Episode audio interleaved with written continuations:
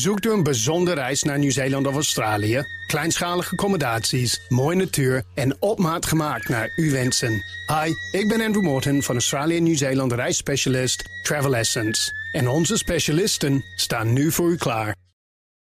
Iedere woensdag bespreken we met Marcel Beerthuizen van sponsoring adviesbureau Big Plans de ontwikkelingen op het terrein van sport en economie.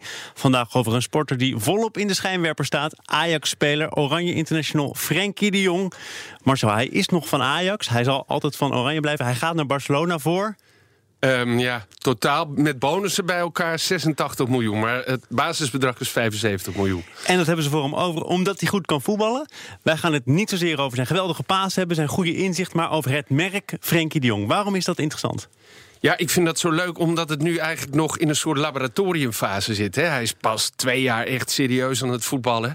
Dus nog niet in de hele wereld bekend. Het gaat natuurlijk nu wel snel. En dan kan je kijken, ja, wat, kunnen, wat zouden we daar nog van kunnen maken als, als marketeers? Weet je, welke, wat, welke, welke, wat kunnen we voor merk van Frenkie de Jong maken? En laat Frenkie de Jong zich kneden?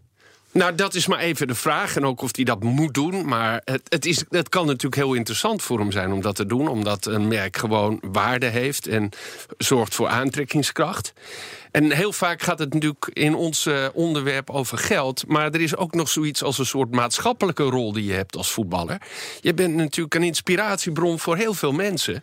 Dus um, ook op dat vlak zou je kunnen zeggen: ja, wat wil ik eigenlijk betekenen voor de wereld? Wat wil ik teruggeven? Dat is misschien nog een heel moeilijke vraag om te beantwoorden als je 21 jaar bent. Hij is bijna 22. Maar Weet je, dat is wel iets waar hij uh, zich nu al bezig mee zou kunnen houden. In ieder geval, ik vind dat leuk om over na te denken. En, en wat zijn de aspecten die Frenkie de Jong zou kunnen versterken, al dan niet met hulp van marketeers, met mensen die erover nadenken?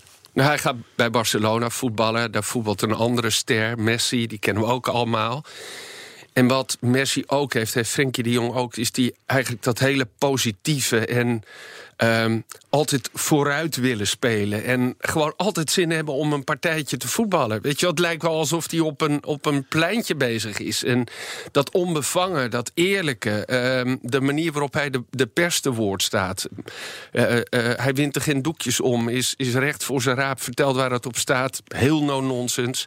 Het is ja, wel fijn dat het een slimme jongen is, hè? Ja, dat is ook een slimme jongen. Ja. ja. natuurlijk, dat helpt ook. En, hè, net zoals Matthijs Licht, precies hetzelfde. Ja, dat zijn jongens die kunnen een verhaal vertellen, maar die durven het ook te zeggen. En die, die voelen zich daar heel comfortabel mee. Dus dat is natuurlijk prachtig. En voor sponsors, voor anderen, voor, hè, voor, voor mogelijke partners van hem, is dat ideaal. Want het is natuurlijk een jongen waar je graag uh, bij wil horen. En die kun je dan op alle mogelijke kanalen en manieren inzetten. Bijvoorbeeld op social media, steeds belangrijker. Ja. Is Frenkie de Jong al alomtegenwoordig op Facebook, Instagram, Twitter? Nou, het gaat wel keihard. En dat komt natuurlijk ook door al die internationale successen.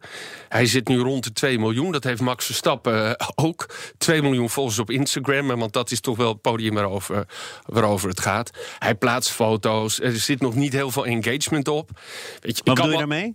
Nou ja, je, je kan natuurlijk veel meer interactie opzoeken met je volgers door eh, vragen te stellen, door prijzen aan te bieden, door eh, op, op, dat op, op, op zo'n manier echt de communicatie ja, dan, te zoeken. Dat zijn dan prijzen van jouw sponsoren? Ja, ja bijvoorbeeld. Of uh, kijk hiernaar, dat, dat doet hij nog helemaal niet. Hij heeft, hij heeft ook al andere zaken om zich nu mee bezig te houden. Om, om de zoveel dagen voetballen. Maar goed, dat kun je ook allemaal uitbesteden natuurlijk. Ja. Dan is er natuurlijk nog zijn naam. Ja. Volgens mij vernoemd naar een band. Frankie Goes to Hollywood. Ja, volgens mij hebben zijn ouders dat gedaan, ja. Ja, nee, daar was hij zelf niet bij betrokken. Maar goed, eh, dat is wel zo. Hè. Mensen hebben het wel over de licht. Eh, maar toch, als het over de jong gaat, vaker over Frankie. Die naam is echt bijna het merk zelf.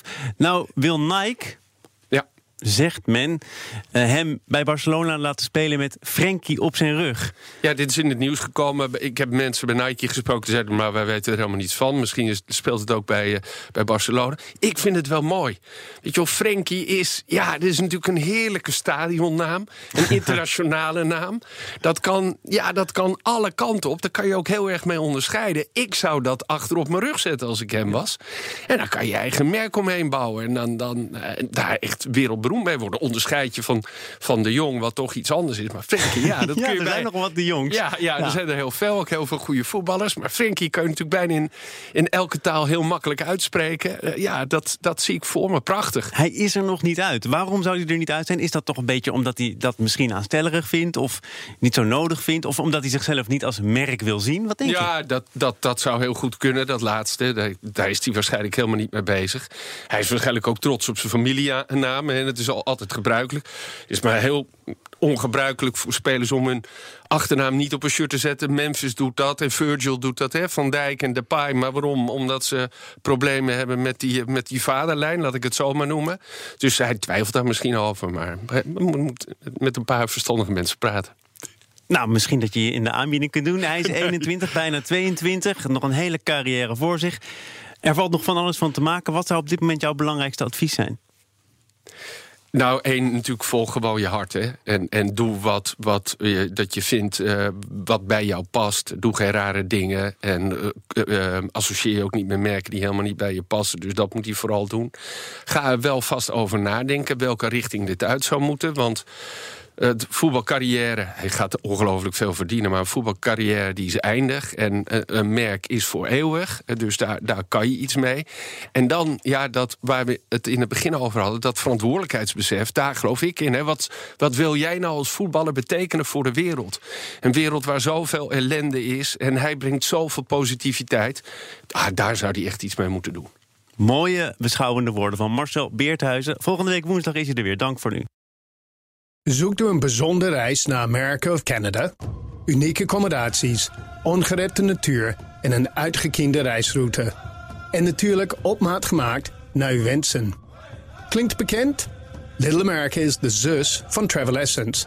Met eigen team van reisspecialisten, maar dezelfde focus op kleinschalige reizen met hoogwaardige kwaliteit.